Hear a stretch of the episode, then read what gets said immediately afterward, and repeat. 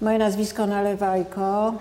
Jestem pracownikiem Instytutu Studiów Politycznych Polskiej Akademii Nauki Kolegium Civitas, Kolegium Civitas Katedra Politologii e, w Instytucie Studiów Politycznych Zakład Badania Elit.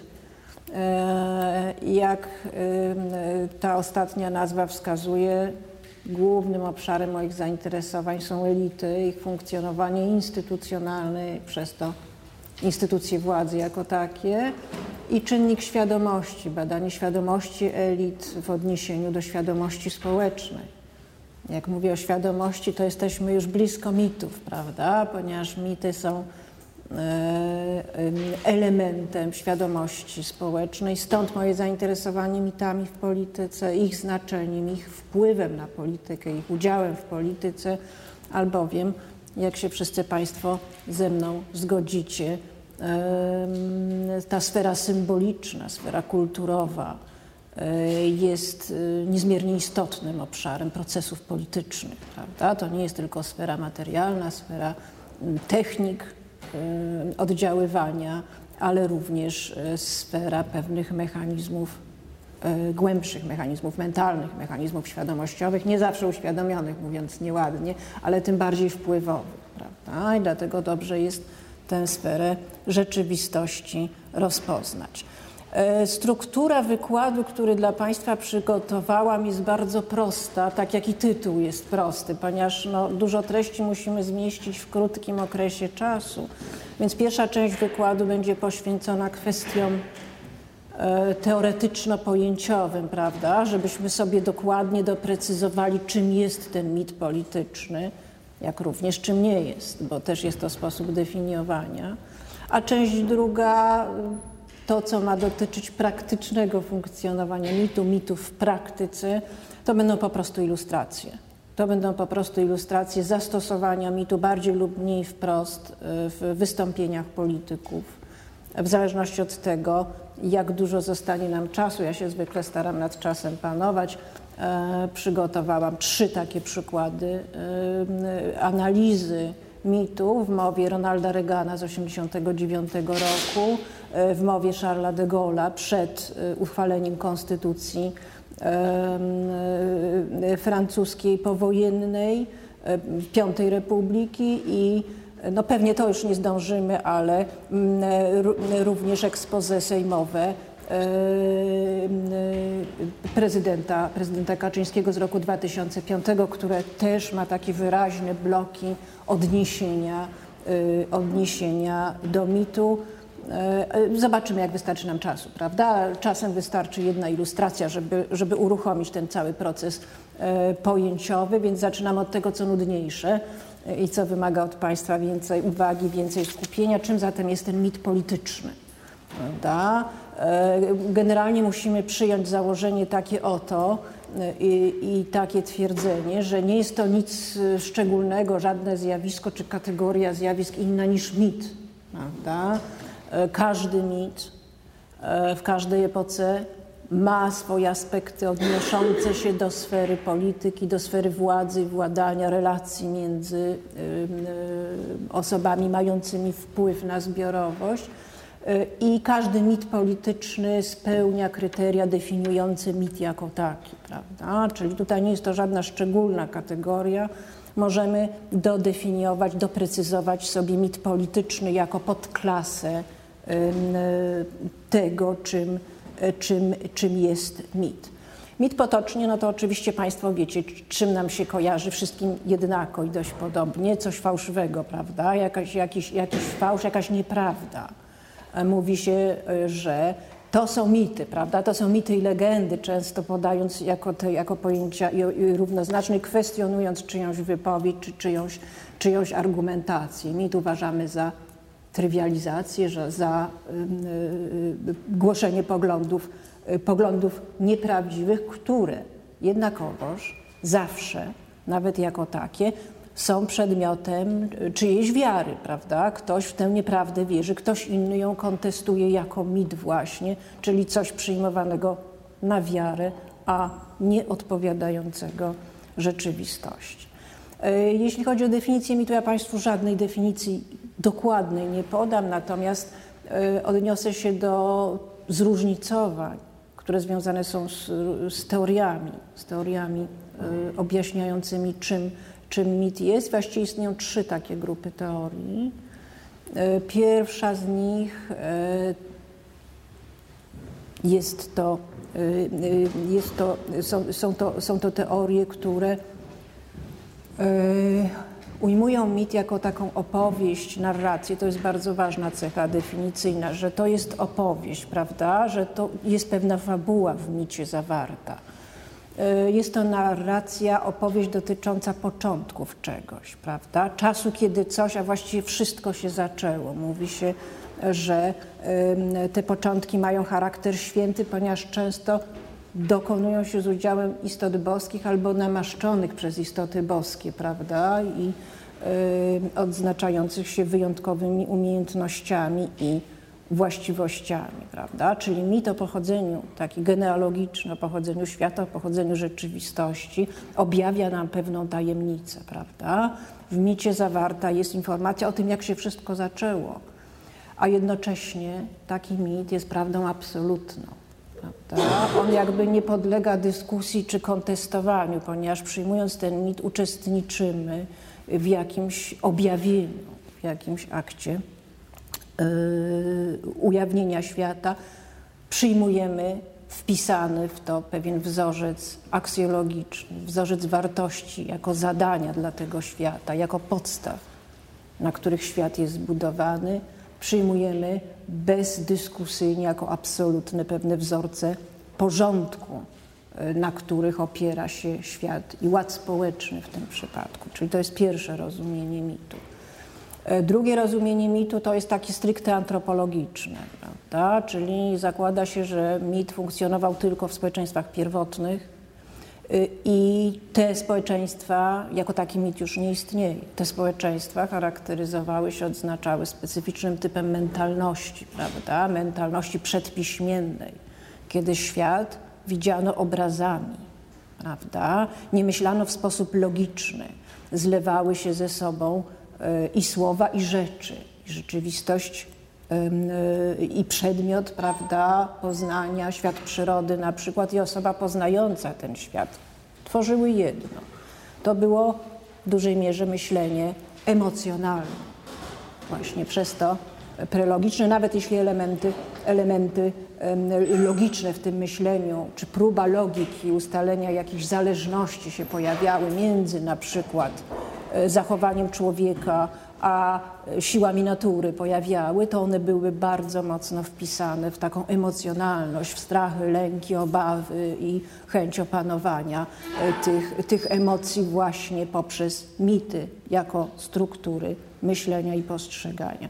I w końcu trzecie rozumienie mitu, trzecia grupa teorii, e, to są teorie, właściwie najlepszym przykładem, egzemplifikacją jest e, piśmiennictwo Leszka Kołakowskiego na ten temat, prawda? Który podkreśla uniwersalną naturę mitu. Y, on mówi o tym, że mit jest jakby nie, mm, nie można go oddzielić od społeczeństw ludzkich, od człowieczeństwa, od ludzkości, ponieważ mit w każdej kulturze, w każdym czasie jest potrzebny ludziom, zaspokaja ich elementarne potrzeby. Dlatego ludzie odwołują się do mitu. On jest różnie konstruowany za każdym razem w zależności od kompetencji e, danego społeczeństwa, od jego zdolności opisywania świata, analizowania świata. Natomiast on jest ludziom potrzebny przede wszystkim do tego, żeby ten świat uporządkować, e, żeby nadać sens i temu światu, i swojej w nim obecności, prawda? Żeby u, unikać pozoru, fałszu, docierać do prawdy, do tego, co jest e, taką, taką głębią, głębią rzeczywistości. To jest związane z, z taką próbą, jak Kołakowski to ujmuje, zanegowania przypadkowości świata. Prawda? I to jest dążenie typowe dla każdego człowieka i dla wszystkich społeczeństw, tylko tak jak mówię, każdy robi to e, na swój sposób, e, nie zawsze, nie zawsze jednaki. Prawda? Kołakowski pisał wprost, posłuży się tutaj cytatem, wszelkie konstrukcje obecne w intelektualnym i afektywnym życiu człowieka pozwalające wiązać przyczynowo zmienne i przypadkowe składniki doświadczenia przez odnoszenie ich do prawd pierwotnych, bezwarunkowych. To jest mit, prawda? Czyli tu jest bardzo wyraźnie funkcjonalne ujęcie mitu. Prawda? Mit spełnia określoną funkcję, zaspokaja uniwersalne, powszechne potrzeby człowieka. Formy jego są różne, natomiast y, pojawiać się będzie zawsze, prawda?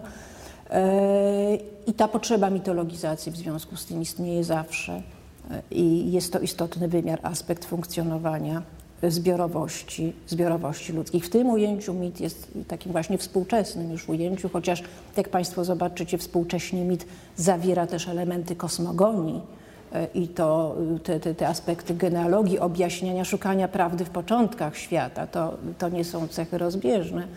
E, mit staje się taką odrębną warstwą świadomości społecznej, świadomości, świadomości i jednostkowej, i zbiorowej. Przez to właśnie, przez te potrzeby, przez te funkcje, jakie zaspokaja i przez, przez swoje e, cele. I teraz warto zastanowić się głębiej nad tym, jakie to są funkcje i, i y, opisać sobie ten mit E, na przykład przez odniesienie go do innych form świadomości społecznej, prawda? Bo skoro jest elementem autonomicznym, elementem świadomości społecznej, e, dobrze jest czasem doprecyzować pole znaczeniowe takiego zjawiska przez pokazywanie, czym nie jest, tak jak wcześniej mówiłam. Czyli może zacznijmy najpierw od porównania mitu z innymi formami świadomości społecznej, bo to uruchomi naszą wyobraźnię. E, takie najważniejsze odniesienie i często mieszanie pojęć dotyczy E, mylenia mitu ze stereotypem. Prawda? Często używa się tych pojęć zamiennie, e, często niesłusznie, odbierając, odbierając nieco treści mitowi. I tak na Państwa wyczucie, jakie by tu były różnice, no właśnie, to jest ten element interakcji, który by mi był potrzebny, a który jest nieosiągalny w tej chwili. Czym się różni mit od stereotypu? E, coś? Tak? Ktoś się wyróżni z Państwa, czy Stereotyp jest zamknięty, jest statyczny, prawda? Jest taką etykietą upraszczającą. Tak jak pani powiedziała, zamyka, ponieważ on nie podlega już jakby żadnej dyskusji yy, czy aktualizacji, tak byśmy powiedzieli. On jest strukturą poznawczą również, zamkniętą. No, no, stereotyp na przykład Szkota, stereotyp Żyda, prawda? Zakłada się tutaj, że wszyscy przedstawiciele danej zbiorowości mają takie same cechy, po pierwsze, każdy, prawda? I można przypisać każdemu spotkanemu przedstawicielowi zbiorowości objętej stereotypem te same w związku z tym intencje na przykład, prawda? No, kierowanie się stereotypem, jak wiecie Państwo, może być bardzo niebezpieczne, co ujawniło ostatnie przypadki tam przy stadionie, prawda, z interwencji policji, która ewidentnie, no, jeśli się szło z odbezpieczoną bronią, to ze strachu tak naprawdę. I tutaj działał stereotyp szczególnie niebezpiecznych zachowań. E, osób czarnoskórych. No, to już w latach 60. i 70. w Stanach Zjednoczonych zbadano dokładnie, że na przykład niektóre szpitale psychiatryczne przyjmując czarnoskórych od razu stosują kaftan bezpieczeństwa na wszelki wypadek, kierując się stereotypem, że są to ludzie szczególnie agresywni i obdarzeni takim, takim zwierzęcym instynktem i siłą, więc mogą być bardzo, bardziej niebezpiecznie odbijały. Prawda?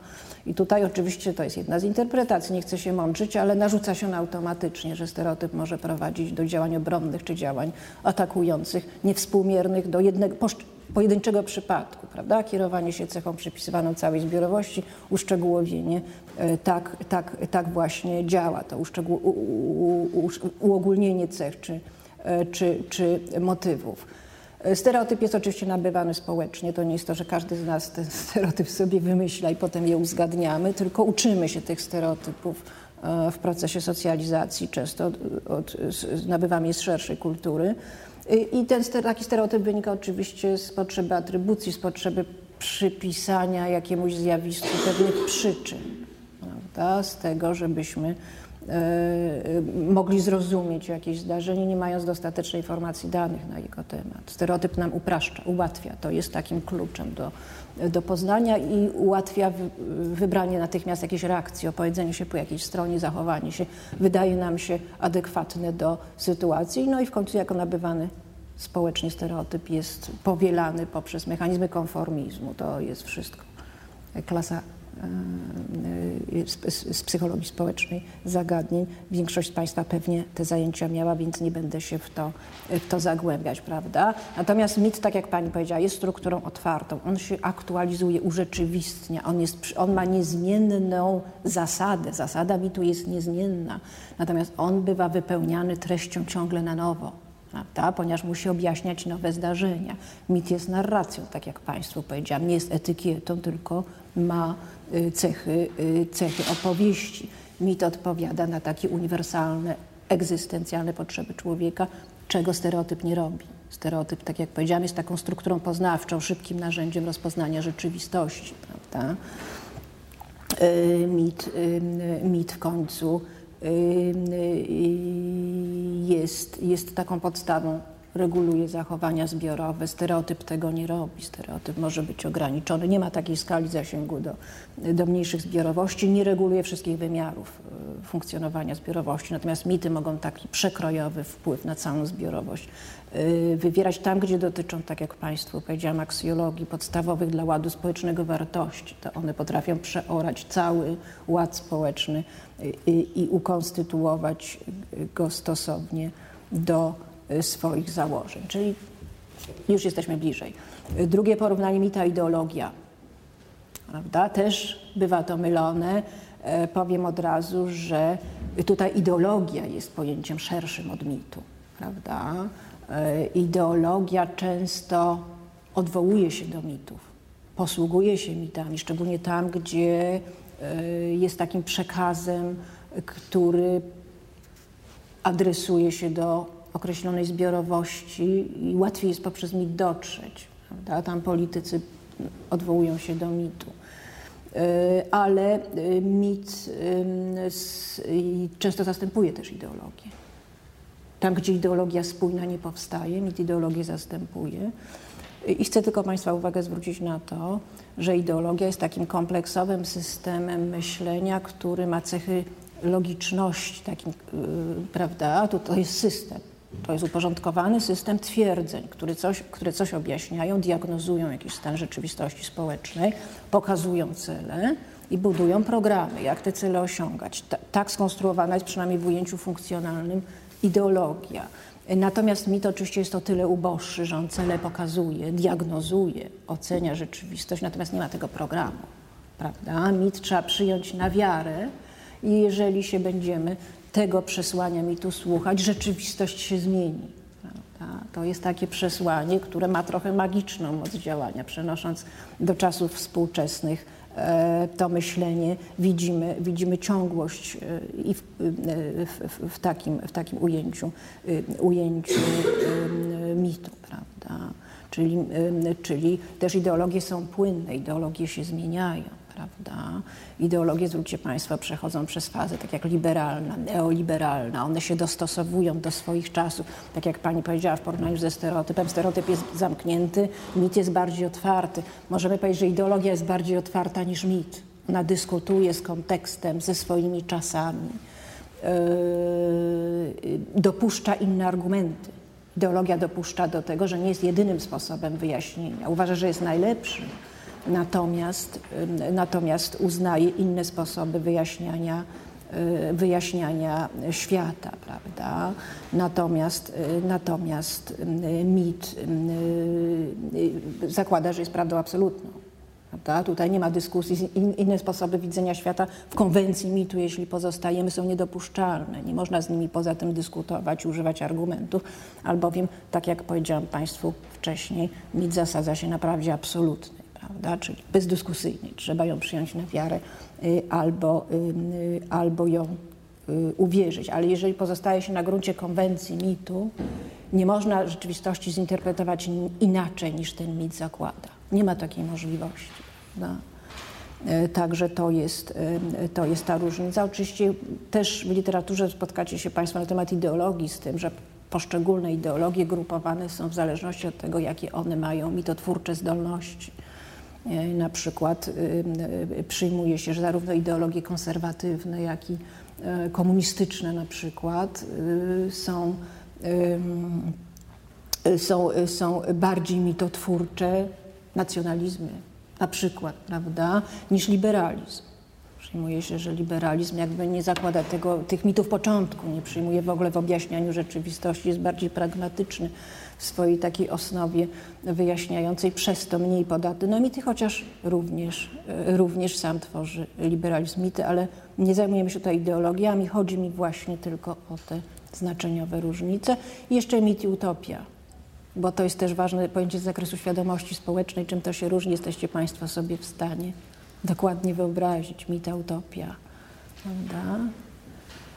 Eee, znaczy mit jest bardzo blisko utopii, ale utopia, mówiąc najkrócej, oczywiście upraszczając mocno znaczenia, bo jak ktoś z Państwa się interesuje zjawiskami świadomości społecznej utopią, to sobie poczyta Jerzego Szackiego na ten temat. Szacki najlepiej objaśnia, czym jest utopia i czym nie jest. Zajmowała się też tym pani, e, pani Pańków e, w swoich pracach.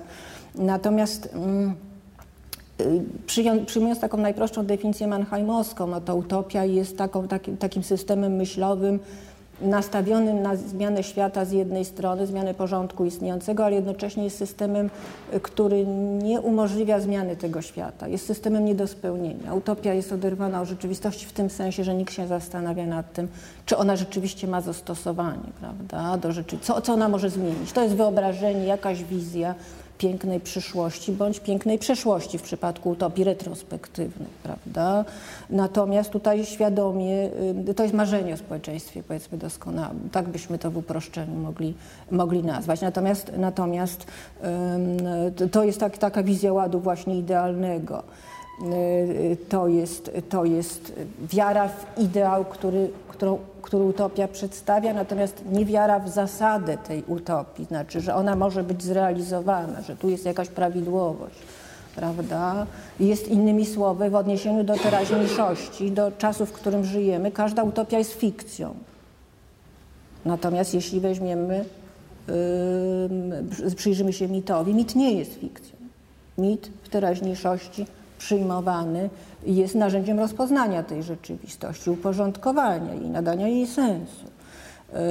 Yy, dotyczy, dotyczy zjawisk istniejących realnie.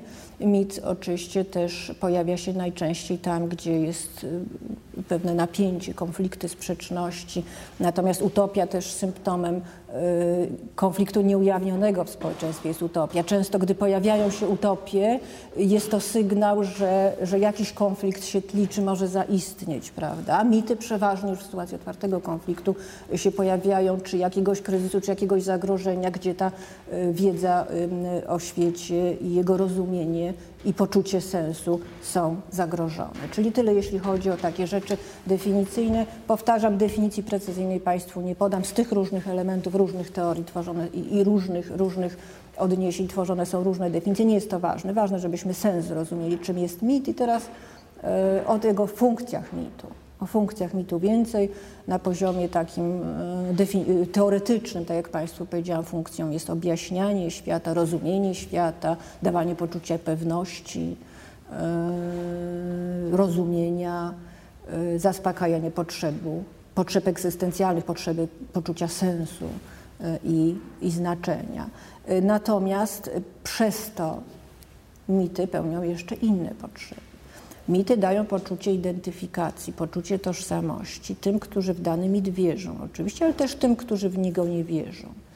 Y, poczucie więzi, prawda? Mamy poczucie wspólnoty z tymi, którzy patrzą na świat tak jak my, którzy mit, ten świat rozumieją poprzez pryzmat tego mitu, innymi słowy. To silnie integruje zbiorowość. Tu widzicie Państwo, już się domyślacie, jakie to może mieć znaczenie w polityce, prawda? E, daje poczucie właśnie sensu przez przynależność do wspólnoty, która do czegoś dąży, która coś ocenia w taki sam sposób, prawda? Czyli to są funkcje tożsamościowe, takie identyfikacyjne, e, budujące więź z osobami wierzącymi w, te same, e, w ten sam mit, uznającymi te same wartości, definiującymi te wartości w sposób, w sposób jednaki, integrują zbiorowość. Tak jak powiedziałam, mit daje też tożsamość tym, którzy nie wierzą w ten mit, ponieważ należą do tej wspólnoty, która dystansuje się od niego, odrzuca, ewentualnie przyjmuje, przyjmuje go właśnie jako fałsz, jako falsyfikację w sensie potocznym, co w dyskursie często widać, ten, ten cudzy mit odrzuca. Mity pełnią również funkcje poznawcze, Jak każde zjawisko świadomości, o tym już mówiliśmy, tu działają jak stereotyp, prawda? Czyli przyjmujemy mit, mając na przykład zbyt mało informacji, informacje sprzeczne, z którymi nie możemy sobie poradzić i zinterpretować ich, bądź mamy za dużo informacji. No, w, w, dobie mediów masowych często jest tak, że jesteśmy zalewani taką ilością informacji, że trudno jest podjąć indywidualny wysiłek radzenia sobie z tym i wtedy mit pojawia się takim, staje się takim kluczem do, do radzenia sobie w sensie, w sensie poznawczym, rekompensuje ten brak lub nadmiar lub sprzeczność wyjątkową informacji i jest narzędziem użytecznym. E, mity pełnią też oczywiście funkcje kompensacyjne w takim sensie, że objaśniając rzeczywistość przez jej braki czy niedoskonałości, y, y, y, potrafią dowartościować współczesność, pokazując na przykład mity retrospektywne, prawda? Pokazując, że jest niedobrze, ale kiedyś funkcjonowało się w świecie lepszym, jest możliwe przywrócenie tego świata pod wpływem odpowiednich działań. Prawda? To jest kompensowanie niedostatków rzeczywistości, takie dowartościowanie.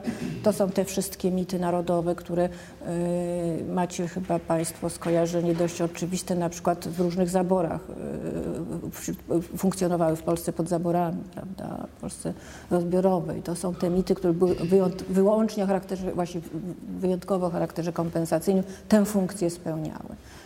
E, jakie jeszcze funkcje? E, no właśnie, jeśli mówimy o micie politycznym, czyli micie, który ma odniesienie do przedmiotu polityki i do podmiotów politycznych, a społeczeństwo też takim podmiotem jest, jak wiemy, we współczesnych systemach szczególnie, czyli nie tylko do władzy.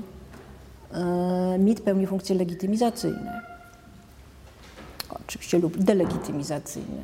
Prawda? W jakim sensie mit legitymizuje władzę, jak się Państwu wydaje, jakbyście się Państwo zastanowili i wrócili do swoich notatek, e, przypomnieli sobie, co mówiłam wcześniej, legitymizuje przez to, że e, tak jak od, przez odwołanie do genealogii, przez, przez wprowadzenie pewnych wartości przyjmowanych jako absolutne, prawda? Jeżeli dana władza odwołuje się do tych wartości pierwotnych, podstawowych, najważniejszych, które społeczeństwo przyjmuje jako własne, jeżeli w oparciu o te wartości zbudowany jest cały ład społeczny i polityczny, to on jest uzasadniony jako słuszny, jako prawy, prawda? Władza, która do tych wartości się odwołuje i podtrzymuje taki ład, uzyskuje legitymizację. Dlatego rządzący tak chętnie odwołują się do mitów, prawda? I przypominają, przywołują wartości, które chcą ocalić w życiu zbiorowym. Natomiast tam, gdzie władza się chwieje, gdzie porządek przestaje być stabilny, gdzie ludzie przestają rozumieć, dlaczego pewne procesy zachodzą. Kiedy pojawia się dezintegracja, ten mit już nie działa, ani nie działają zwykłe instrumenty władzy oparte na przemocy. Musimy pamiętać, prawda, że to są oddziaływania władcze, są różnego charakteru, symboliczne są tylko jedną z możliwości. Tam pojawia się delegitymizacja. Tam pojawia się delegitymizacja i pojawiają się mity, odwołując się do innych wartości do wartości konkurencyjnych. Wokół tego rozgrywa się, e, znaczy to są też wymiary, które w każdej walce, e, w walce politycznej możemy odkryć. Prawda? Dzięki temu mity pełnią też funkcję mobilizacji do działania. Prawda? E, szczególnie tam, gdzie mamy do czynienia z delegitymizacją ładu. Czyli króciutko funkcje, jakie sobie wymieniliśmy do tej pory, mam nadzieję, że, że te najważniejsze, ta funkcja uniwersalna, funkcja zaspokajania potrzeb e, e, w grupie tej teo, tych teorii, których reprezentantem jest Kołakowski, ale potrzeby identyfikacji, integracji, mobilizacji, kompensacyjne, poznawcze, te wszystkie elementy warto, żebyście Państwo zapamiętali, bo to pokazuje, dlaczego mit tak głęboko jest zakorzeniony i wpisany w systemy społeczne i w systemy polityczne. Jeśli mówimy o legitymizacji, to jest też, proszę Państwa, tak, że e, zresztą zaczęłam już o tym mówić, że rdzeniem mitu jest pojęcie ładu. Prawda? To jest podstawa. I tutaj możemy przywołać też te teorie genealogiczne na temat mitu, prawda? Ład wyłania się z chaosu, jest przeciwieństwem chaosu, prawda? Jest jakimś, jakimś porządkiem, jest on zawsze zagrożony bezładem czy chaosem. E, I mit polityczny, ujawniając początki danego ładu politycznego, y, pokazując osoby, które odpowiadają za ten ład i pełnią kluczowe funkcje w danym e, typie, e, typie ładu politycznego, w pewnym sensie, pokazując tą pierwotną zasadę, w pewnym sensie właśnie legitymizują przywódców i dany system jako obrońców ładu. Obrońców przed chaosem, przed siłami ciemności, przed siłami destrukcji, prawda? To jest gwarancja i ten ład, i jego przywódcy są gwarantem tego, że w takich kosmogonicznych kategoriach to ład nie obróci się w nieład, w nieporządek, w zamęt, w coś, co przekracza ludzkie, e, ludzkie możliwości. Jak Państwo widzicie, mit pełni też funkcję wraz z legitymizacją regulacji życia zbiorowego, ponieważ wprowadza te podstawy ładu, uzasadnia istnienie systemu władzy w sensie nie tylko personalnym przywódców, ale instytucji władzy i zasad ich działania, sposobów ich działania.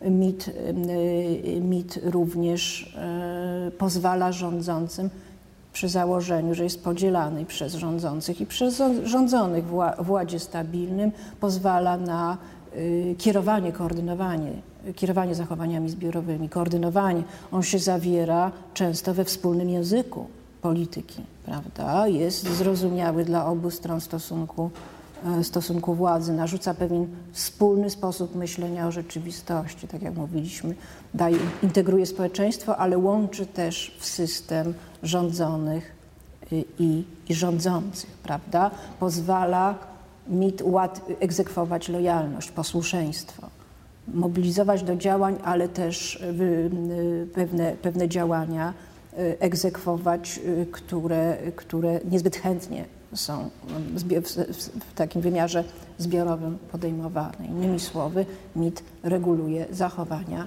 w ładzie prawomocnym. Tam, gdzie ten ład się rozsypuje, tak jak Państwu powiedziałam, moc regulacyjna y, od razu jest, mocy regulacyjnej MIT jest, jest pozbawiony. Jeszcze za jedną rzecz chcę Państwa uwagę zwrócić że często y, dzieli się kultury y, ludzkie na kultury y, stworzone przez dwa typy ról.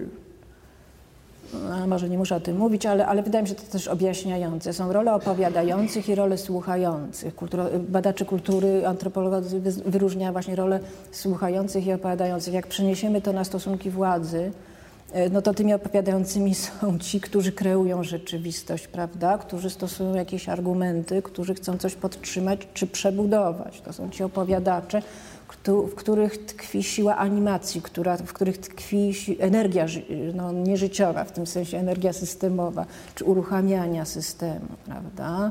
E, I ci opowiadający mają moc zdominowania masowej wyobraźni. I przez to ci opowiadający są skuteczni o tyle są skuteczni, prawda? Natomiast słuchający, to, to, ta rola zakłada posłuszeństwo, zakłada przyzwolenie, zakłada pewną bierność, którą opowiadający starają się przezwyciężyć, uruchomić e, tych, tych słuchających, e, zaktywizować do określonych działań, bądź zniechęcić do innego rodzaju działań. Czyli taką metaforę też dobrze jest gdzieś mieć z tyłu głowy, jeśli, jeśli w tym wymiarze świadomościowym przyglądamy się, przyglądamy się społeczeństwu. Jakie są jeszcze echa takich wydarzeń kosmogonicznych w micie współczesnym, micie politycznym? Wydaje mi się to istotne dla lepszego zrozumienia tego, jak on działa. Przede wszystkim e, mit, e, także mit polityczny, e, odpowiada na ludzką potrzebę waloryzowania, i to przetrwało w naszych społeczeństwach, waloryzowania czasu i przestrzeni. Prawda? Waloryzowanie przestrzeni no, w, w, starożytnych mitach to było tak dalece, jak rozciąga się władza danego bóstwa czy Boga. Tam, gdzie jest sakrum się rozciąga, tam ta przestrzeń była święta i ważna. Poza nią istniał, tak jak powiedziałam, chaos. We współczesnym, e, we współczesnym społeczeństwie to władza wyznacza sferę swojego panowania, granice, jak dalece rozciąga się jej jurysdykcja i możliwość sprawstwa, prawda? To jest ta sfera ładu, zbudowanego na jakiejś zasadzie. Za nią są być może inne łady, ale które, takie, które nas nie dotyczą.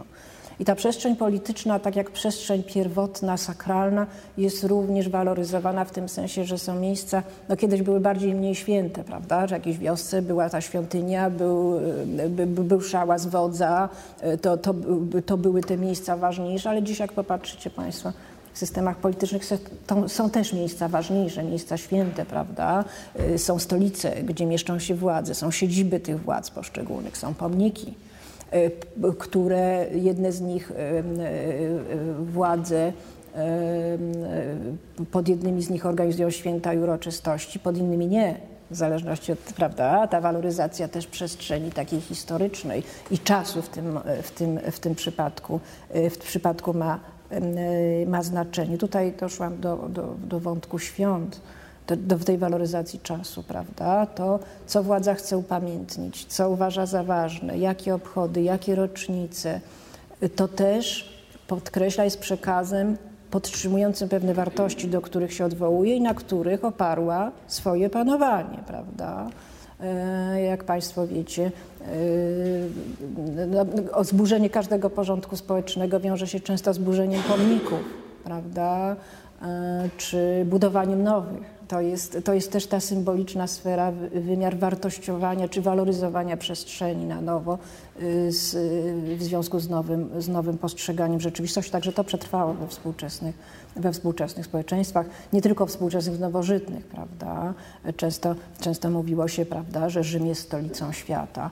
Czy, czy Francuzi lubili zawsze twierdzić, że to, Paryż, że to Francja jest stolicą świata, a Paryż stolicą Francji, czy jakby Paryż jest stolicą świata. E, mówi się, że Europa jest, jest stolicą cywilizacji, prawda, chrześcijańskiej, czy tej najstarszej, najbogatszej. Ta potrzeba trwa. Ta potrzeba trwa, ona wyraża się poprzez mit. Też dobrze jest o tym E, powiedzieć. I w końcu też widzimy, że ta potrzeba, e, te echa kosmogonicznych wydarzeń we współczesnym micie, widzimy je w lękach i w obawach polityków. Czego politycy się boją tak najbardziej naprawdę? To tak jak społeczeństwa się boją nieładu, chaosu, zamieszania, utraty poczucia pewności, tak rządzący boją się tego smoka właśnie yy, nieładu, czyli smoka zagrażającego temu, co oni zbudowali, ich ofercie, prawda? Boją się rewolucji, boją się kontrrewolucji, jeśli ład powstał w wyniku rewolucji. Boją się współcześnie terroryzmu. To jest taki współczesny smok zagrażający ładowi, prawda? Boją się anarchii właśnie jako taki, takiemu symbolowi bezładu. Zresztą tutaj najprościej odwołać się do przykładu Józefa Piłsudskiego, prawda, dla którego takim smokiem właśnie była demokracja.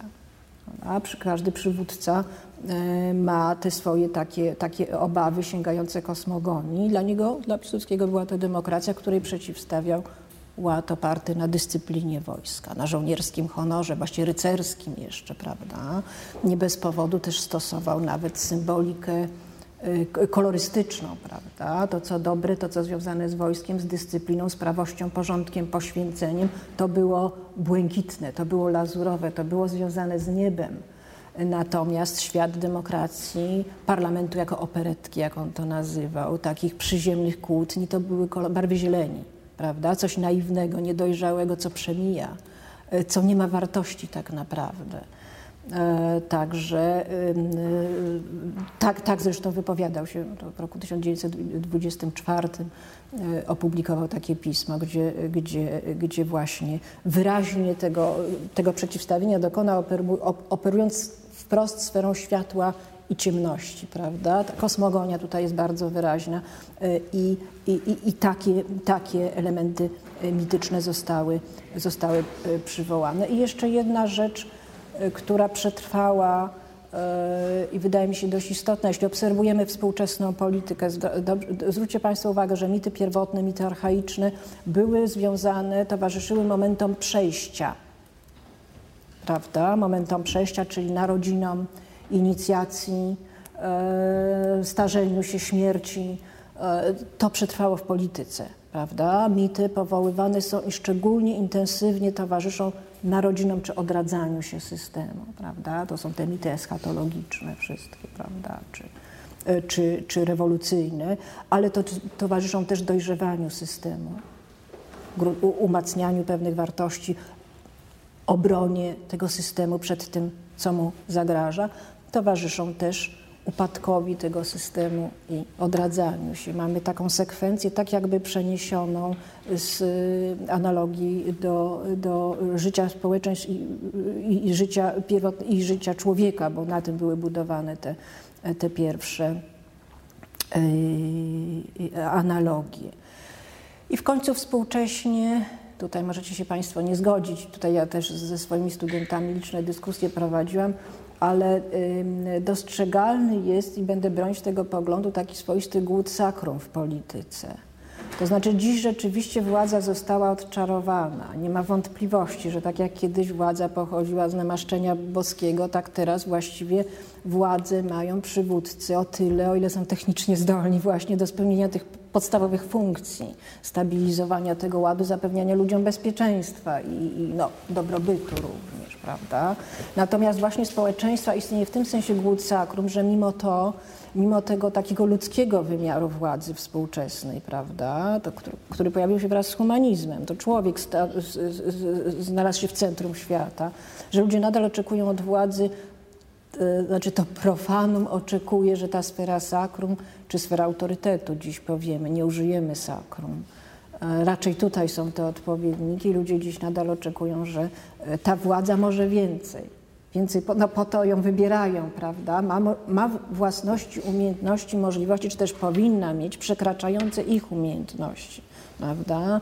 I stąd, y, stąd mimo tego odczarowania władzy, stąd oczekiwania kierowane, takiej wyjątkowości kierowane do władzy i stąd, jak spojrzycie Państwo, każda władza próbuje jakby przekroczyć tą sferę sakrum i profanum, prawda? Próbuje budować takie płaszczyzny transgresji, przechodzenia chociażby przez organizowanie świąt e, i, i aranżowanie, aranżowanie e, przestrzeni politycznej. Każda władza próbuje, e, właśnie czym się różni sakrum od profanum też znaczy ja używam tych pojęć, ale myślę, że są, znaczy są zrozumiałe, trudno jest je opisać, tak jak wszystkie, wszystkie pojęcia, trudno się mówi o tym, o czym ja mówię, natomiast to myślę uruchamia nasze, nasze wyobrażenie i naszą wiedzę. Znaczy sakrum to jest to, co przyziemne, co niedoskonałe, niedokończone, prawda?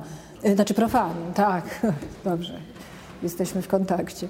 Natomiast sakrum to, co doskonałe, absolutne, skończone, prawda? I y, władza stara się wykorzystać wiarę w te swoje możliwości. Sakrum, y, a, a sfera animować czy ożywiać, być tym, tym źródłem aktywności i y, stwarzać warunki dla funkcjonowania społeczeństw lepsze, a profanum oczekuje, czy ta sfera profanum, że będzie dobrze kierowana, prawda, że jakby będzie mogła być, nie musi y, generować pomysłów czy rozwiązań, natomiast będzie dobrze prowadzone, o tak, mówiąc, mówiąc, mówiąc y, nieładnie, prawda. I to zresztą Alexis de Tocqueville powiedział właśnie, że to sakrum trwa w tej chwili chociażby w oczekiwaniu, że władza stworzy dobrobyt. Tak po prostu władza jest obarczana oczekiwaniami, odpowiedzialnością przekraczającą nierzadko możliwości władzy, znaczy no, y, y, władzy świeckiej y, i rozgadałam się trochę. No dobrze. Możemy nie robić przerwy.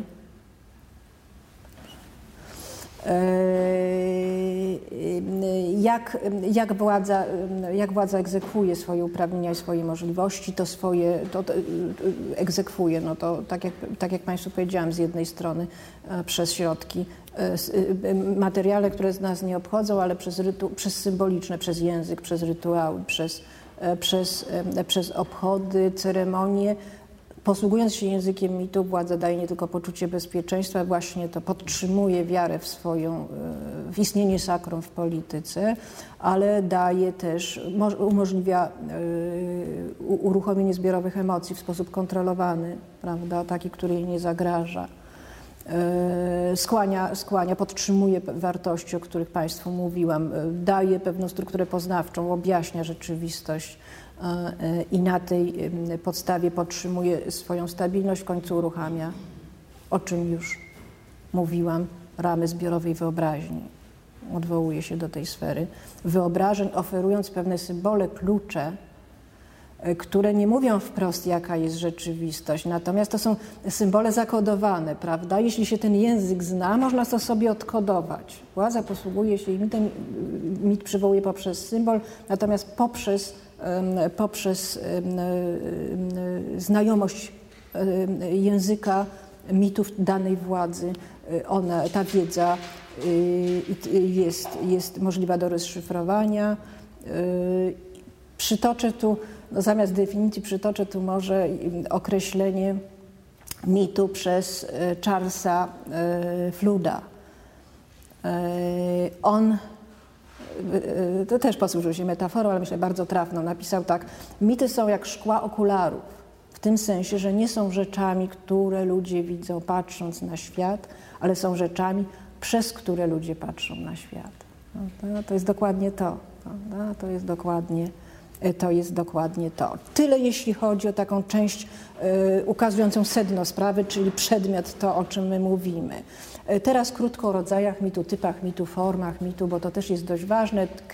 Ta część wywodu będzie znacznie, znacznie krótsza. Trochę się spieszę, bo chciałabym, żeby jeszcze nam chwila została potem na jakąś wymianę zdań. Dobrze. Podstawowe rodzaje mitu to są archetypy i mity historyczne. Archetypy i mity historyczne. Archetypy, czyli, czyli, czyli, czyli też wiemy, bo się posługujemy tym pojęciem, pojęcie trudno definiowalne, choć yy, oczywiste, prawda? Archetypy to są, to są takie struktury, E, odpowiadające podstawowym wartościom w kulturze ludzkiej, prawda? Co będzie przykład takiego archetypu? Takim archetypem może być poświęcenie, może być odwaga, heroizm, prawda? E, poświęcenie dla innych, może być dążenie do prawdy, ponieważ prawda jest tym przesłaniem mitu, prawda? I dążenie do prawdy, wolności sprawiedliwości. To są te elementarne wartości, do których dążą wszystkie kultury ludzkie, których nie mogą spełnić i osiągnąć, starają się to robić na różne sposoby e, i wokół tego budować swoją, swoją egzystencję. Czyli to są archetypy, a mity historyczne to by były to by były mity historyczne, czyli to jest uszczegółowienie tych, e, tych archetypów w konkretnych e, epokach, e, losach. Na przykład, na przykład mit dobrego władcy, prawda? Dobrego panującego, dobrego króla, dobrego cesarza, w zależności od tego, w jakiej epoce historycznej, tego, no, tego boskiego, który, który elementu, elementu sakrum, prawda? Tak jak no, na przykład mit Franciszka Józefa, się, ten mit uosabiał się tego centrum świata, e, czy, czy tej istoty, która, która gwarantuje, gwarantuje ład. Przejawia się w różnych epokach historycznie, różnie. W Polsce mógł to być na przykład Józef Piłsudski, chociaż, chociaż jak wiecie Państwo, akurat z tym mitem w Polsce jest bardzo trudno. Akurat Polska nie wytworzyła mitu dobrego, tak jak nie wytworzyła mitu państwa, tylko mit narodu w, miejsce, w to miejsce wypełnił jakby, nie ma mitów państwa. E, tak nie ma mitów panujących, mitów dobrego władcy, prze, przez, przez to, że w okresie, kiedy istniały monarchie absolutne na świecie i istniał rzeczywiście ten ośrodek władzy, który y, y, albo ubóstwiano, albo kontestowano, w Polsce tego nie było. W Polsce walczono o przetrwanie narodu i mit się nie wytworzył, bo nie był potrzebny, nie, znaczy nie był funkcjonalny w tym czasie. I to jest to nasze dziedzictwo, e, które, które też ma swoje określone konsekwencje, ale o tym, e, o tym może nie teraz. Czyli archetypy, mity historyczne. Dalej, jakie są rodzaje mitu ze względu na źródła? To są bardzo proste typologie, ale pomocne, jeśli analizuje się konkretne mity w polityce. E, są mity, które są tworzone świadomie i celowo, odgórnie przez polityków. I w tym momencie mamy do czynienia z czystym przypadkiem manipulacji przez mit. Prawda? Ten mit jest przywoływany po to, żeby jakiś cel polityczny osiągnąć. Ale są też mity powstające spontanicznie powstające w opozycji do, do tego, tego mitu, czy konkurencyjne, prawda? Tak jak, tak jak był za czasów Kierka, ta Polska, nie wiem, czy drugim, czy trzecim mocarstwem gospodarczym świata, tak w Solidarności oddolnie powstał mit Polski jako drugi Japonii, prawda? Są to odpowiedniki, ale one Y, konkurują ze sobą, jakby inną prawdę o rzeczywistości, o świecie zakładają. Y, natomiast jest oczywiście tak, że to jest relacja przechodnia, że mity generowane odgórnie mogą być odrzucane w danym momencie, bądź zastępowane przez inne mity, konkurencyjne mity powstające społecznie. Natomiast w innej epoce mity spontaniczne mogą przywołać mit generowany odgórnie wcześniej, prawda? Który, bo jest użyteczny w danym momencie. Tak samo jak mity generowane odgórnie czy stosowane odgórnie i celowo i świadomie muszą uwzględniać w jakimś zakresie przynajmniej mity spontaniczne prawda? Przez to, żeby się przyjęły, żeby w nie uwierzono, muszą zawierać jakieś elementy tej prawdy e, społecznie przyjmowanej, społecznie zakładanej z jakiegoś powodu, prawda, ten mit jako wzorzec dobrego, dobrego robotnika y, w, w Polsce się nie przyjął w czasach PRL-u, prawda.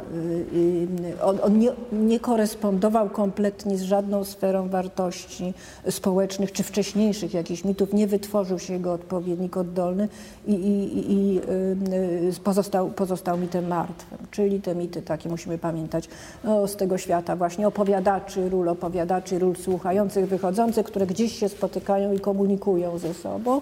I w końcu mity można dzielić ze względu na treść na mity dynamiczne i statyczne. Te statyczne by były bliżej trochę stereotypu, ale nie są tym stereotypem, prawda? Ponieważ mit Mit statyczny pełni po prostu funkcję, no, no jest blisko stereotypu, bo pełni po prostu funkcję po, poznawczą, prawda? E, w latach 80. był to mit Zachodu. W latach 80. był to mit Zachodu. On informował o tym, jak świat zachodni żyje, jak tam, jaki tam jest dobrobyt, prawda? jaka tam jest wolność, swoboda. Na ten mit składała się cała masa stereotypów oczywiście. Natomiast ten mit w latach 90. stał się dynamiczny. W tym sensie tutaj też jest ta przechodniość, że zaczął, yy, za, za, uruchomił pewne przesłanie pewną instrukcję do działania, uruchomił pewne strategie, prawda? Stał się dynamiczny w tym sensie, że idąc za głosem tego mitu można było na przykład zdecydować się na wyjazd na zachód, na zachód i budowanie tam swojej przyszłości że idąc za tym mitem rządzący y, mogli bardziej lub mniej imitować ten wyobrażany ład zachodni, prawda, w rozwiązaniach instytucjonalnych tu wprowadzanych. Na początku starali się bardzo imitować, jeszcze jak wiemy, za sprawą doradców różnych. E, później było odchodzenie, znaczy taka demitologizacja następowała, odchodzenie i dostosowywanie tego do tych pewnych wzorców do rzeczywistości rzeczywistości, zastanej rzeczywistości istniejącej.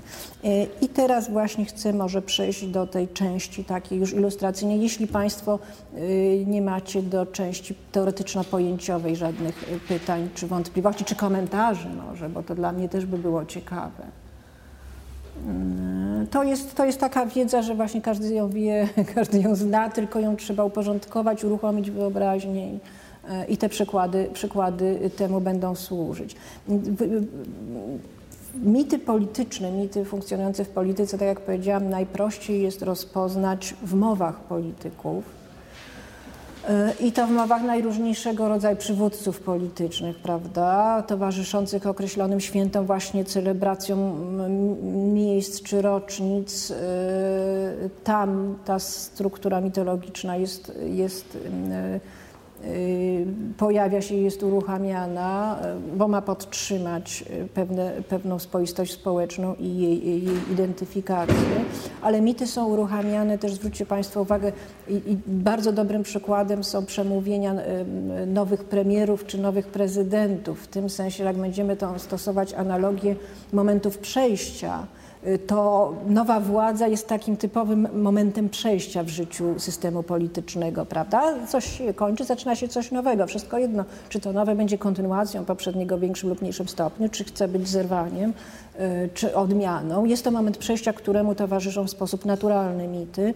I mówię niekoniecznie mity tylko świadomie, świadomie stosowane, ale mity, które pokazują nam mentalność, sposób myślenia nowej władzy, który będzie wpływał na budowany, budowany system.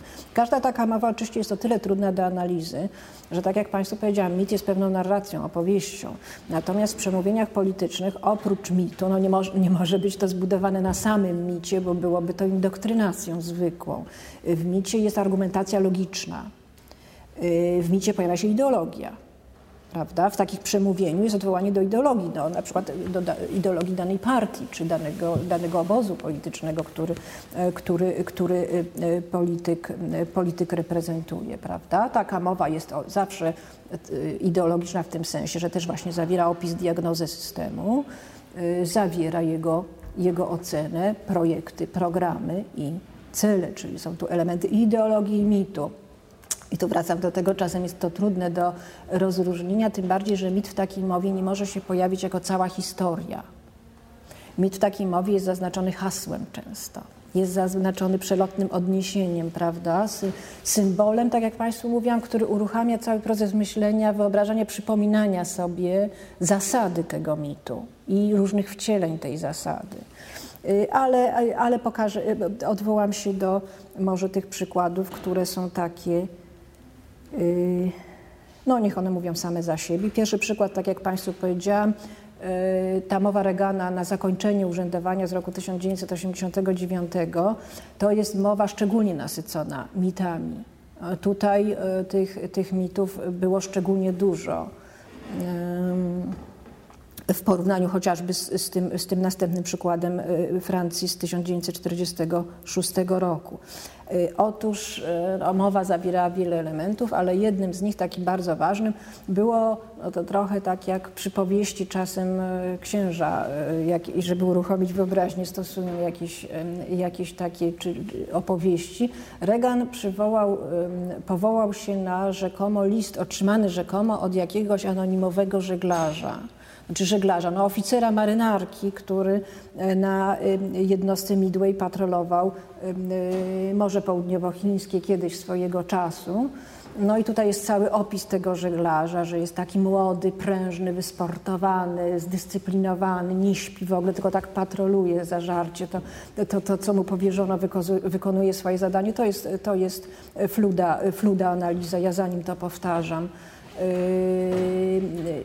I w pewnym momencie patrolując wypatrzył jakieś, jakieś łodzie samotne, prawda, prawie tonące. W związku z tym oczywiście wysłał łódkę w kierunku tych, tych żeglujących, ewidentnie potrzebujących e, potrzeby, zabrał ich na pokład. I teraz co się okazało? To byli oczywiście uciekinierzy, którzy chcieli się dostać do Ameryki. No, oni pragnęli, pragnęli yy, yy, uratować nie tylko swoje życie, to byli wietnamscy uchodźcy, ale to nie, nie, tylko chcieli uratować swoje życie. Właśnie tu jest przesłanie tego, tej historii bardzo ważne, ponieważ jeden z wyłowionych zwrócił się do tego oficera słowami witaj amerykański żeglarzu, wysłanniku wolności. Prawda? Wartość bardzo wyraźnie, bardzo wyraźnie wyrażona wyraźnie wyrażona, dobrze, tak, nie chciałam powiedzieć, ale tak powiedziałam, wyłożona. Yy, czyli ci uciekinierzy szukali krainy szczęścia, krainy wolności. Yy, tu jest mowa o Ameryce. Prawda? Yy, ta, ta, ta jednostka patrolująca staje się symbolem Ameryki w ogóle, tradycji amerykańskich, ale Ameryki tamtego czasu, Ameryki pod rządami Reagana. Prawda? Znaczy przesłanie jest e, przesłanie takie legitymizujące e, jest, jest, bardzo, jest bardzo proste i ponoć było tak, że właśnie ten, e, ten oficer nie mógł znaleźć spokoju pod wpływem tych słów i dlatego napisał list do Reagana i powiedział tę swoją historię, że tak go to poruszyło, że tak zbudowało to jego poczucie, jego poczucie że dumy z tego, że jest Amerykaninem, że musiał się tym podzielić, czyli, czyli też taki przykład E, przykład, e, przykład e, reakcji patriotycznej, tak byśmy powiedzieli. Tutaj te podstawowe wartości to rzeczywiście bardzo prosto jest odczytać, ale one pokazują, proszę zwrócić uwagę, opisują cały system amerykański. Po pierwsze, właśnie to wolność, niesienie pomocy poszkodowanym, potrzebującym, szerzenie tej wolności na świecie, nawet jeśli to związane jest z wysiłkiem, z trudem, z kosztami, no bo takie jednostki, prawda, no to, to siły trzeba i pieniędzy, żeby organizować pomoc, y, chociaż no to akurat nie chodziło o pomoc, y, czyli potwierdzenie kultury amerykańskiej, ale to jak Państwu powiedziałam, potwierdzenie prezydentury, która uosabiała ten władca, to było, jego, to było to przekroczenie profanum, prawda, to był ten jego autorytet zbudowany na, na wartościach, do których się odwoływał, do których, do których, na których ład budował, prawda? Poza tym pojawia się tu też dość czytelny mit odrodzenia. Zwróćcie Państwo uwagę, to takie nawiązanie do tego, że kiedyś też yy, yy, przybywali, do, przybywali ci pionierzy, uchodźcy, którzy ryzykowali życiem i budowali tę Amerykę tak naprawdę. Tu jest, tu jest podobieństwo do losów tych uchodźców wietnamskich. Niepewni zdani tylko na siebie, ryzykowali życiem, żeby ten cud zrealizować, prawda? Co, co, co zresztą się spełniło. I jeszcze jeden dość ważny element tego przesłania, bardzo polityczny bardzo wyraźnie polityczny, który pokazuje, że Ameryka y, przed Reaganem utraciła kontakt z tymi wartościami, prawda? z prawdziwymi wartościami. Tutaj była bardzo wyraźnie wpisana krytyka oponenta politycznego, że nie tylko ja jako polityk, ale moje stronnictwo, moje ugrupowanie, moja formacja polityczna gwarantuje te wartości. Prawda? Przeciwnik, oponent prowadzi do ich destrukcji, do tego, co jest istotą y, amerykańskiej kultury i prawdy o o y, Ameryce. To, ta erozja tradycyjnych wartości y, ładu moralnego jest znaczy, związana z, z opozycją polityczną. To jest już element nowej kampanii politycznej. Też służy to, służy to takim celom, czyli wątków jest, jest, jest wiele. Powiedziałam Państwu, że to było właśnie jakby analogia do pielgrzymów do Ameryki. Y, y, wcześniejszych, ale też no, ci pielgrzymi y, też kiedyś osiągnęli swoje przeznaczenie, zrealizowali swoje cele i wartości tak, jak zrealizowała je Ameryka, tak jak zrealizowali je, je uchodźcy. I tutaj właśnie Ameryka lat 80. staje się tym symbolem takiego raju, mitycznego raju dla wszystkich.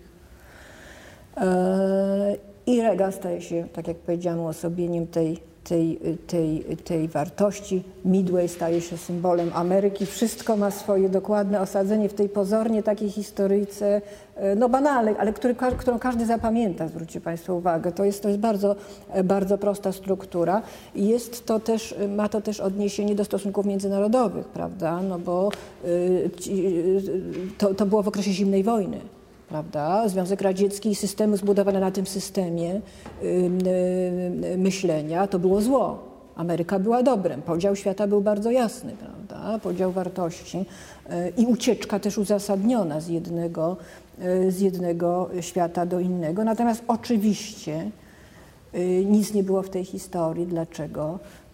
Te, te, te, te, te lotniskowce tam patrolują, e, prawda? Nic nie było o jakichś imperialnych e, podstawach systemu. E, nic nie było o dalszych losach tych uchodźców nieszczęsnych, o całej procedurze, prawda, przyswajania, jak to wygląda, co się z nimi potem stało, jaki los ich spotkał. Tutaj już ta, o, tej, o tej potędze Ameryki więcej nie mówię. No właśnie, na, na, tym się kończy historia, że oni do, dostali się do raju, prawda, i jakby wszystko dalej było już piękne i ładne. Także widzicie Państwo, że Pro, prosta historia, niesamowicie przekaz właśnie taki y, do świadomości adresowany, nie wprost, nie wysłowiony, który, który może pełnić te wszystkie funkcje, o których mówiliśmy, prawda? Jakie funkcje? Może taki przekaz pełnić? no, integrujące Amerykanów wokół właśnie podstawowych wartości patriotyzmu, wolności, przywracające sens identy... Toż, przywracające... Słucham? Mobilizujące też do takich, aby jak ten żeglarz, prawda, być czujnym, wytrwałym, e, być aktywnym, e, bo, bo jest na świecie wiele zła i, i ciągle, ciągle trzeba się, trzeba się z, tym, z tym złem konfrontować mobilizujące, tak, no legitymizacja. Legitymizacja osoby, systemu politycznego, właśnie całe lata 80., y, opcji politycznej, ugrupowania politycznego, prawda? Plus delegitymizacja, próba delegitymizacji, ale łagodnej, czyli to jest wpisane w konflikt pewien polityczny, tak jak Państwu wcześniej mówiłam, mit tam się pojawia, prawda? To złożony ze stereotypów zresztą i spleciony bardzo silnie z przekazem ideologicznym. Na tym przykładzie te wszystkie elementy są dość dobrze widoczne. I teraz drugi przykład, który właśnie jest może o tyle nie wprost tej, tamtej mitologii we Francji było mniej. Tu był bardzo wyraźne przesłanie ideologiczne, dlatego że de Gaulle przemawiał w czasie, kiedy Francja nie miała nowej konstytucji. I de Gaulle wystąpił, w, w, oczywiście bardzo posługując się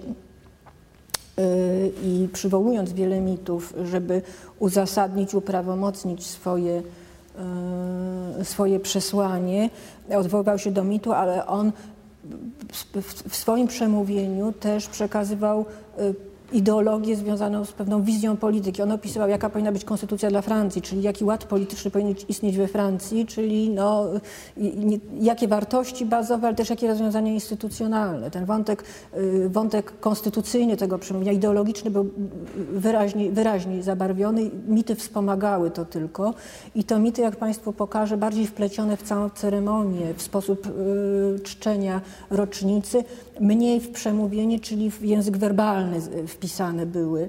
Y, no ale przejdźmy do rzeczy. Przykład jest o tyle złożony, że no, króciutko przypomnimy sobie, jak to było z tą Francją, jak wybuchła wojna, no to inwazja III Rzeszy, prawda, i powstaje Vichy z marszałkiem Petenem, któremu zresztą, jak Państwo wiecie, wielu Francuzów uwierzyło, głównie dlatego, że, że był to bohater I wojny światowej, prawda? Niekwestionowany autorytet, któremu można było ufać, bo, bo jakby ratował chwałę Francji w, w, pierwszej wojnie, w pierwszej wojnie światowej.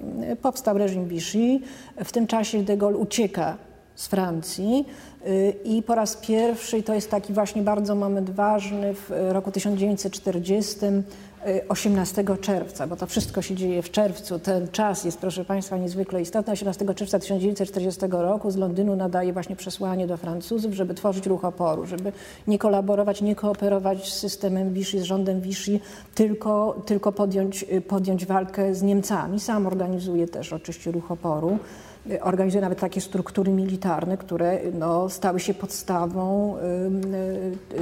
No, ruch oporu wkroczył do Francji razem z aliantami i zaczął budować nowy ład, więc rzeczywiście stworzył i struktury, i, i, i takie personalne powiązania dość silne. To był sukces bez wątpienia, prawda?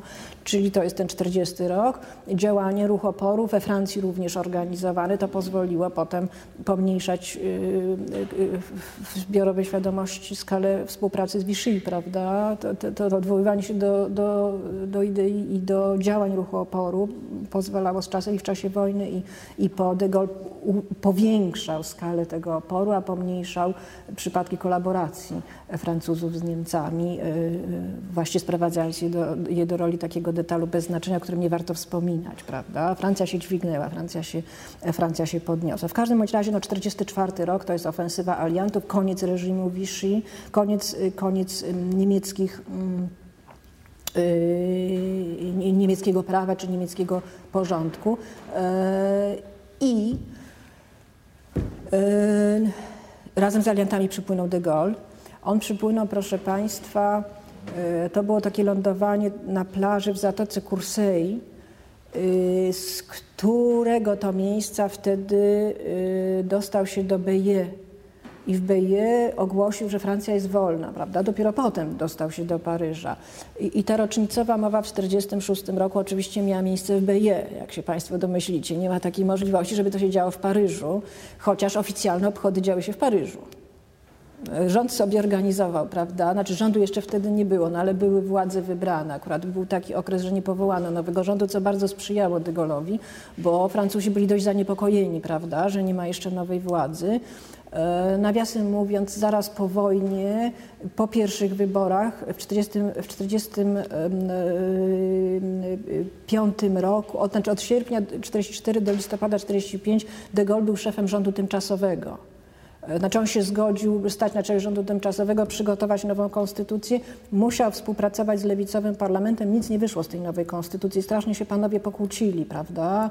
Bo, y, bo de Gaulle chciał mieć no, silną władzę prezydencką. Po prostu. To była ta jego wizja i Francji, i konstytucji.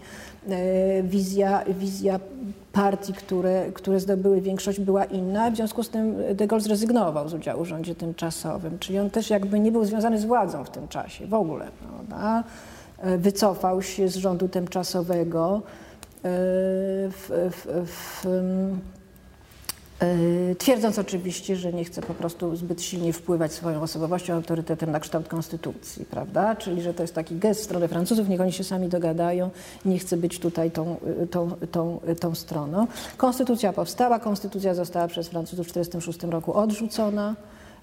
Y, nie została przyjęta w referendum. No i mamy w 1946 roku w czerwcu właśnie taką sytuację, że nie ma konstytucji, układ polityczny się sypie, nie ma rządu, bo były wybory, ale jeszcze nie ukonstytuował się rząd. Ten, ten 18 dzień czerwca był właśnie takim okresem, y, kiedy tylko właściwie istniejąca władza zapowiadała nowy projekt konstytucji i świętowała, świętowała rocznicę właśnie, właśnie w Paryżu rocznicę wystąpienia de Gaulle'a z Anglii 18 czerwca, ale bez de Gaulle'a. No, tak to wyszło, ponieważ on w tym samym dniu pojechał do Byje. I też ta mowa jego, znaczy on 16 czerwca pojechał dokładnie, czyli to było e, na dwa dni przed tą rocznicą apelu z, z, z Londynu, ale dwa dni po Y, po powrocie do Francji, po wkroczeniu, tam wylądowaniu w Kursei, po wkroczeniu, po wkroczeniu do Byje. Ja mówię, symbolika i mit pojawił się w całej ceremonii, w oprawie tego wydarzenia, ponieważ to było organizowane w ogóle przez władze miejskie, władze lokalne. Dla y, de Gaulle'a bardzo ważny tu był aspekt takiego właśnie zjednoczenia wszystkich Francuzów i prowincji i miasta. On celowo właśnie bardzo współpracował z radcami miast i w Kursej, i w Beje, z, z, wszystkimi lokalnymi notablami, prawda? Chcąc pokazać, że jest ojcem wszystkich Francuzów. O tak, prawda? Że nie, jemu zaszczyty, jakbyśmy dziś powiedzieli, pałace i żyrandole, tylko on po prostu jest z narodem. On jest, on jest zawsze tak jak, tak, jak zawsze był. E, I oczywiście bardzo uroczysta oprawa tego, pięknie udekorowane miejsce flagami narodowymi, Francji, czyli y, ta symbolika dość oczywista, ale y, oprócz, oprócz tych flag był, y, i narodowych symboli były też symbole wolnej Francji, prawda? Ten krzyż lataryński był wszędzie, czyli no wprost symbol tego, co stworzył de Gaulle i, i ruchu oporu, te, ta historia, te, tego nie trzeba było mówić. W związku z tym, prawda, to towarzyszyło jako oprawa e, wszystkim, wszystkim wydarzeniom. Oczywiście łuki triumfalne na każdym e, prawie sklepiku, portret de Gaulle'a, e, tego autorytetu ojca, tego też nie trzeba było, tego nie, też nie trzeba było mówić. Hasła girlandy z kwiatów, ja tam wypisałam sobie dwa hasła, takie no najbardziej typowe w hołdzie pierwszemu francuskiemu bojownikowi oporu, i drugie hasło cierpiałeś e, za ojczyznę i za to należy cię czcić. Prawda? Czyli takie rzeczywiście no, e, przyznanie e, no, legitymacji pełnej i, i, i prawa do, do, do rządzenia, do objęcia władzy. Zresztą namawiano w trakcie tych uroczystości de Gaulle'a, żeby nareszcie coś zrobił z tą Francją. Prawda? Tylko on potrafi. Takie ubóstwienie bardzo wyraźnie nastąpiło, sterowane przez scenariusz wydarzeń. Miał być odsłonięty pomnik rocznicowy też. I to jest bardzo ciekawe, ponieważ ten pomnik no, miał być odsłonięty i był odsłonięty, został odsłonięty przez De Gaulle'a, a jeszcze w przeddzień uroczystości był dekorowany kwiaty i to, to jakaś aranżacja tego miejsca przez jeńców niemieckich. Też symbolika tego niesamowita, prawda? Ponieważ już, już Francuzi z tych miasteczek byli bardzo odświętni w nastroju świętym, natomiast ci jeńcy w tych, w tych swoich takich no, więziennych strojach tam się krzątali z miotełkami. E, pokazanie triumfu, zwycięstwa też w sferze symbolu bardzo wyraźne. E, I jak przebiegały te wydarzenia, bo to też jest ważne, on przybył e, do Francji dzień wcześniej, natomiast nie wkroczył do Beje oczywiście. E, spędził, spędził nas w rezydencji burmistrza pod Beje. I teraz tak, rano z tej rezydencji udali się razem z burmistrzem na przedmieścia Beje. To był taki wielki orszak. Na tych przedmieściach co bardziej zacni mieszkańcy i też przybyli na te uroczystości weterani, generałowie, towarzysze ruchu oporu de Gaulle'a już tam byli. Powiększyli ten orszak. Orszak rósł w oczach i on zawrócił, nie wjechał do Beje, tylko do Kursei pojechał. Prawda? Tam odbyła się, tam gdzie było lądowanie, odbyła się pierwsza część, e, pierwsza część, e, część obchodów, gdzie rzeczywiście marsylianka, przemówienia pokazujące, że e, no, z jednej strony witamy Zbawcę Narodu i oczekujemy, że, że nas nie zostawisz w tych trudnych chwilach, a z drugiej strony właśnie mowa de Gaulle'a, który pokazywał wyjątkowe męstwo, bo, waleczność, bohaterstwo, wyjątkowe dzieje mieszkańców tej ziemi prawda? nie całej Francji, tylko jakby ta ziemia stała się uosobieniem, symbolem tej bohaterskiej Francji, oporu Francuzów. Dopiero potem cały orszak zawraca do Byje. Po drodze dołączają się nowi y, uczestnicy, więc, więc skala tego to potężnieje w oczach. Odświętność ma ogromne znaczenie. W Byje y, do katedry wędruje ten orszak. Przed drzwiami katedry biskupi przyjmują, y, witają De Gaulle'a wraz z jego gośćmi. Potem oczywiście odbywa się uroczysta msza, na której odpowiednia mowa jest wygłoszona, nie ma sensu jej y, czcząca, mm, czcząca De Gaulle'a wygłoszona. Po mszy y, orszak cały udaje się na plac Drzewa Wolności, gdzie, gdzie, gdzie jest spotkanie z weteranami obu wojen światowych, i pierwszej, i drugiej te dzieje jakby zostają rozciągnięte, czczone. E, potem jest, znaczy taki lunch w ratuszu się odbył, ale z charakterystycznym momentem, że z ratusza, z balkonu de Gaulle pozdrawia Francuzów, oni wiwiatują na jego część. No to jest bardzo ważne. Mi się od razu te sceny kojarzyły z, z Peronem, prawda, który właśnie bardzo się nie podkreślał swoją więź z ludźmi, wychodził do nich w każdej chwili, kiedy tylko mógł, prawda, pokazując, że nie z tymi, e, z tymi celebrytami wyłącznie. E, potem było po lunchu przemówienie na Placu Zamkowym z udziałem wszystkich mieszkańców, a także no, Francuzów, którzy przybyli nawet z Paryża na te obchody. Prawda? Każdy chciał tego, tego de Gaulle'a usłyszeć i, i y, zobaczyć. Prawda? E, I po, po tych przemówieniach y, y, jeszcze raz właśnie ostatnie pożegnanie z ratusza, kiedy lud już wiwatował obejmij władzę, obejmij władzę, prawda? Czyli już tak pełna legitymacja ludowa, powiedzielibyśmy, najbardziej demokratyczna przekazana. Ostatnie pozdrowienie z balkonu, wyjazd, miasto świętuje do, do, do rana, prawda? I zwróćcie Państwo uwagę, obchody rocznicy właściwie dramatycznych dość rocznic, prawda? Tego, kiedy on musiał uciekać, kiedy Francuzi byli zniewoleni, no, ta druga część uroczystości, druga rocznica była, była sukcesem, to udało się połączyć w jeden radosny festyn, święto, prawda? Tu nie było śladu klęski, porażki, e, fajerwerki, śpiewy, wiwaty, prawda? Heroizm, tylko e, można było czcić zwycięstwo, opór i cierpienia przyniosły to zwycięstwo, więc były wartościowe, były, były, były, były potrzebne trudno lepszy sposób czczenia tożsamości narodowej, patriotyzmu, właśnie tych wartości, na których chciał de Gaulle budować i zbudował Y, zbudował nowy porządek, prawda? I tutaj jeszcze zwracano uwagę w analizach na takie rytualne oczyszczenie.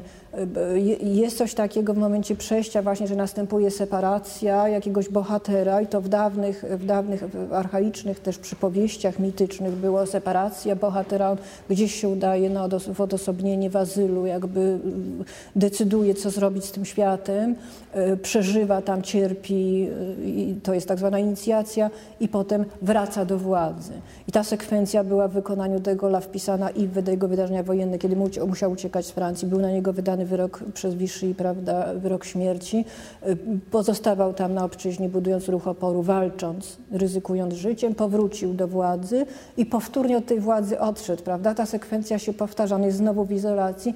Z izolacji E, z tym nowym projektem konstytucji powraca, e, powraca do BIE, zapowiadając, że do władzy powróci, pytając się ludzi, czy tego chcą. Taki spektakl polityczny, który daje dobre podstawy nowego, nowego, nowego porządku. I teraz dopiero przejdę do mowy. Jeszcze mam chwilę czasu, ale cała, ta cała sceneria jest, jest, jest dość ważna, bo pokazuje nam jak ten, jak ten mit funkcjonuje. Zresztą oczywiście było to transmitowane w Paryżu e, i jakby ca, oczy wszystkich Francuzów były zwrócone nie na obchody paryskie, tylko na to, co się, co się tam działo i ich nadzieje. E, I teraz przedstawię Państwu takie główne wątki jego przemówienia, bo, bo, bo one, zresztą sam pisał przemówienie de Gaulle. Sam pisał i to pisał prawie pół roku. Podobno, jak głoszą wieści. Także napracował się bardzo, ono było bardzo precyzyjnie skonstruowane.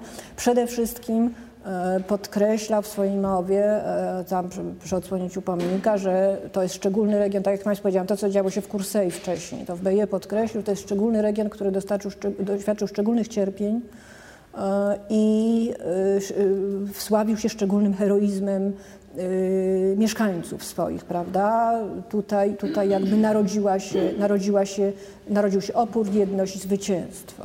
E, dalej e, pokazywał bardzo wyraźnie, że do tego zwycięstwa Francuzów poprowadziła elita.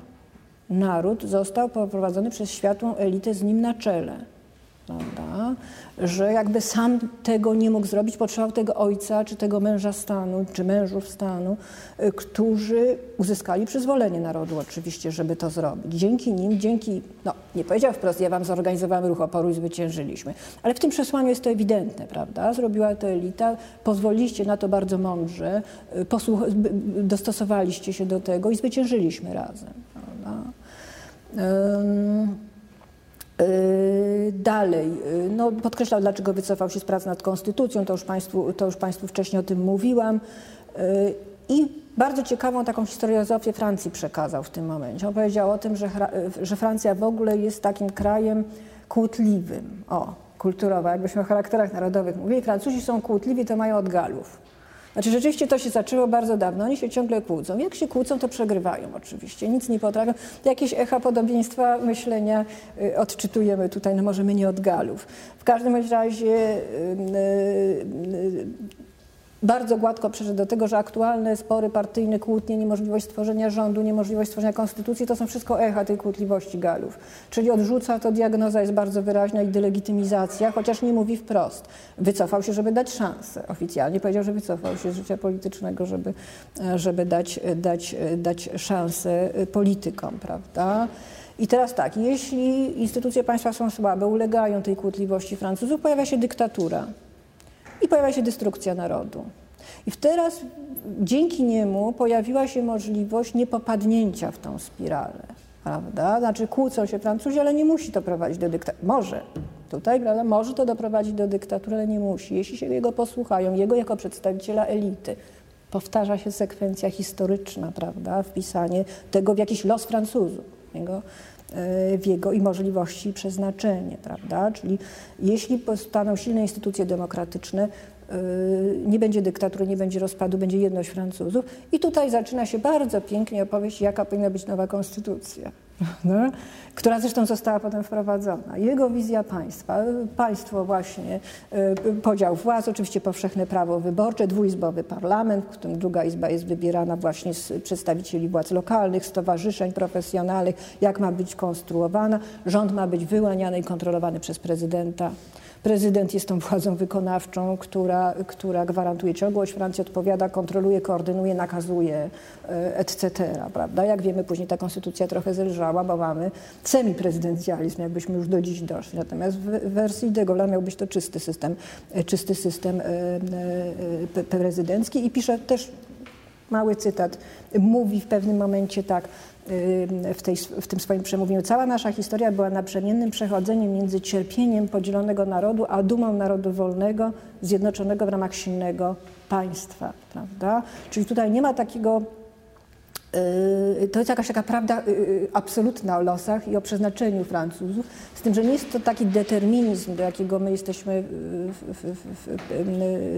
jaki można by tutaj, my jesteśmy przyzwyczajeni, nie jest w to wpisany, ponieważ te losy, ta naprzemienność, to przejście między cierpieniem a wolnością tak naprawdę zależy od Francuzów. Prawda? To nie jest to, że los, że dzieje ich, ich w to wpisują. Jeśli przezwyciężą swoją kłótliwość, jeśli uwierzą elitom, jeśli pójdą za nimi, y, czeka ich już teraz tylko tylko, y, tylko wolność y, y, i szansa na chwałę. On zresztą w ogóle pokazał, że między 1789 rokiem a 1946 to był ten okres destrukcji, cierpień, dyktatur, kłótliwości. Wcześniej o dziwo pokazywał, że monarchia była takim czasem dobrym dla Francuzów. Czasem, czasem bezpiecznym, czasem wolności. I teraz, teraz o, trzy, republiki, trzy republiki były, były czasem straconym dla Francuzów. Jeśli Francja posłucha de Gaulle'a, to, to będzie odkupiona, to zwycięży, to, to wygra. I jeszcze jest bardzo ważne, że on w żadnym momencie tego przemówienia nie podkreślił swojej roli historycznej wprost. Jak widzicie Państwo, wystarczą, znaczy sama aranżacja przestrzeni czasu e, tych uroczystości i e, odwołanie się do historii, w której on występował na każdym kroku prawda? Właściwie ca, całe, całe to wystąpienie było podkreśleniem jego roli. Ani razu nie powiedział, że zawdzięczacie to mnie, czy, czy możecie mi coś zawdzięczać, prawda? Ja tylko wiem, co dla tego narodu jest dobre. Ja zrozumiałem, e, znaczy dał teorię taką quasi naukową, właśnie mówię historiozofię dziejów Francji. Jak ta Francja się zmienia i dał radę, e, co zrobić, aby zmieniała się ku lepszemu, ku dobremu. E, nie mówiąc wprost, że tylko on na to zasługuje. Powiedział to lud, krzycząc obejmij władzę, prawda? Zostań, e, zostań, zostań przywódcą, prawda? Czyli swoje, swoje stanowisko, swoją rolę uzasadniał wizją historii, e, doświadczeniami zbiorowymi Francuzów. To była taka argumentacja, w którą mit był bardzo silnie bardzo silnie, bardzo silnie wpleciony. Prawda? On podkreślał swoją apolityczność, swoją niepartyjność, e, swój związek z, z narodem, patriotyzm prawda, swoją wolę budowania silnego państwa. Prawda? Francja wygra mit państwa bardzo silny, zwróćcie Państwo uwagę, jeśli zbuduje silne instytucje. Posłucha elity, która zapewni silne demokratyczne instytucje, czyli mit państwa, nie tylko narodu, ale właśnie silnego państwa gwarantującego Y, gwarantującego sukces. Mówił w pierwszej osobie liczby mnogiej, jeśli już mówił, nie mówił ja, mówił my. Zresztą w większości y, mów, jak Państwo spojrzycie też y, i naszych przywódców, to, to nie mówi się ja raczej, bo nie ma takiej potrzeby. Mówi się my to zrobiliśmy albo my to zrobimy, prawda, dając do zrozumienia, że ja jestem w stanie zrealizować Wasze marzenia i tutaj pojawia się to my. Proszę Państwa, i teraz tak, wybiła godzina 11. E, także jeśli chodzi o przemówienie Kaczyńskiego, ale zachęcam, dowolne weźcie sobie Państwo expose z, z, internetu. To może być Wałęsa, to może być. E, spróbujcie sobie tak jakby przeanalizować pod kątem tej zawartości właśnie takiej mitologicznej, zarówno te mowy, ale też popatrzeć na to, na ile ład był kształtowany. To nie, to nie jest sama mowa, to ma wpływ na sferę realną, na rzeczywistość, to jaka mentalność, świadomość stoi za, za, za programem politycznym. Także tyle bym powiedziała na zakończenie, że nie, jest to tylko, nie są to tylko bajki, które ja Państwu opowiadałam, ponieważ ma to swój wymiar realny i yy, te, te, te warstwy świadomości, yy, procesy świadomościowe kształtują bardzo silnie, naznaczają bardzo silnie również demokratyczną politykę. I tu bym podziękowała, chyba że jeszcze jakieś pytania Państwo macie czy komentarze, to myślę, że za dwie minuty jeszcze, jeszcze dwie minuty nam zostały. Myślę, że bardzo ważna prezydentury Degola była mitologia dotycząca roli Francji w stosunkach międzynarodowych. Ona się tam pojawiła w końcu lat 50., latach 60. Między innymi chodzi o takie mity jak mit potęgi Francji, jako średniej potęgi która prawie była pokonana w II wojnie światowej, ale jednak zdołała odbudować się i teraz ma wołanie odgrywania roli średniego mocarstwa na o zasięgu globalnym, o interesach globalnych i też przedstawicielego dla też Francji jako pośrednika w relacjach międzynarodowych. Ten mit mocarstwowy, tak naprawdę możemy to nazwać mitem mocarstwem, który jednakowoż pojawił się później. To był jakby początek ten 46, jak pan mówi 50, 60 lata, on mógł już do tego odwoływać się, prawda? Zawierzyliśmy, coś zbudowaliśmy, czyli to było legitymizowanie ładu, który już powstał e, jako wielki ład, właśnie taki e, przezwyciężający te, te niebezpieczeństwa okresu początkowego. Ma pan rację, potem mógł pięknie do tego nawiązywać, więc to był, to był ten początek bardzo służący budowaniu polityki, ale też właśnie nie tylko wewnętrznej, ale, ale w budowaniu wbudowywaniu Francji w system stosunków międzynarodowych. Bardziej tak. Y, I przenoszeniu tego mitu też na inne struktury. Dobrze, to cóż, to ja Państwu w takim razie podziękuję już i jesteście wolni, mogę powiedzieć. Dziękuję bardzo.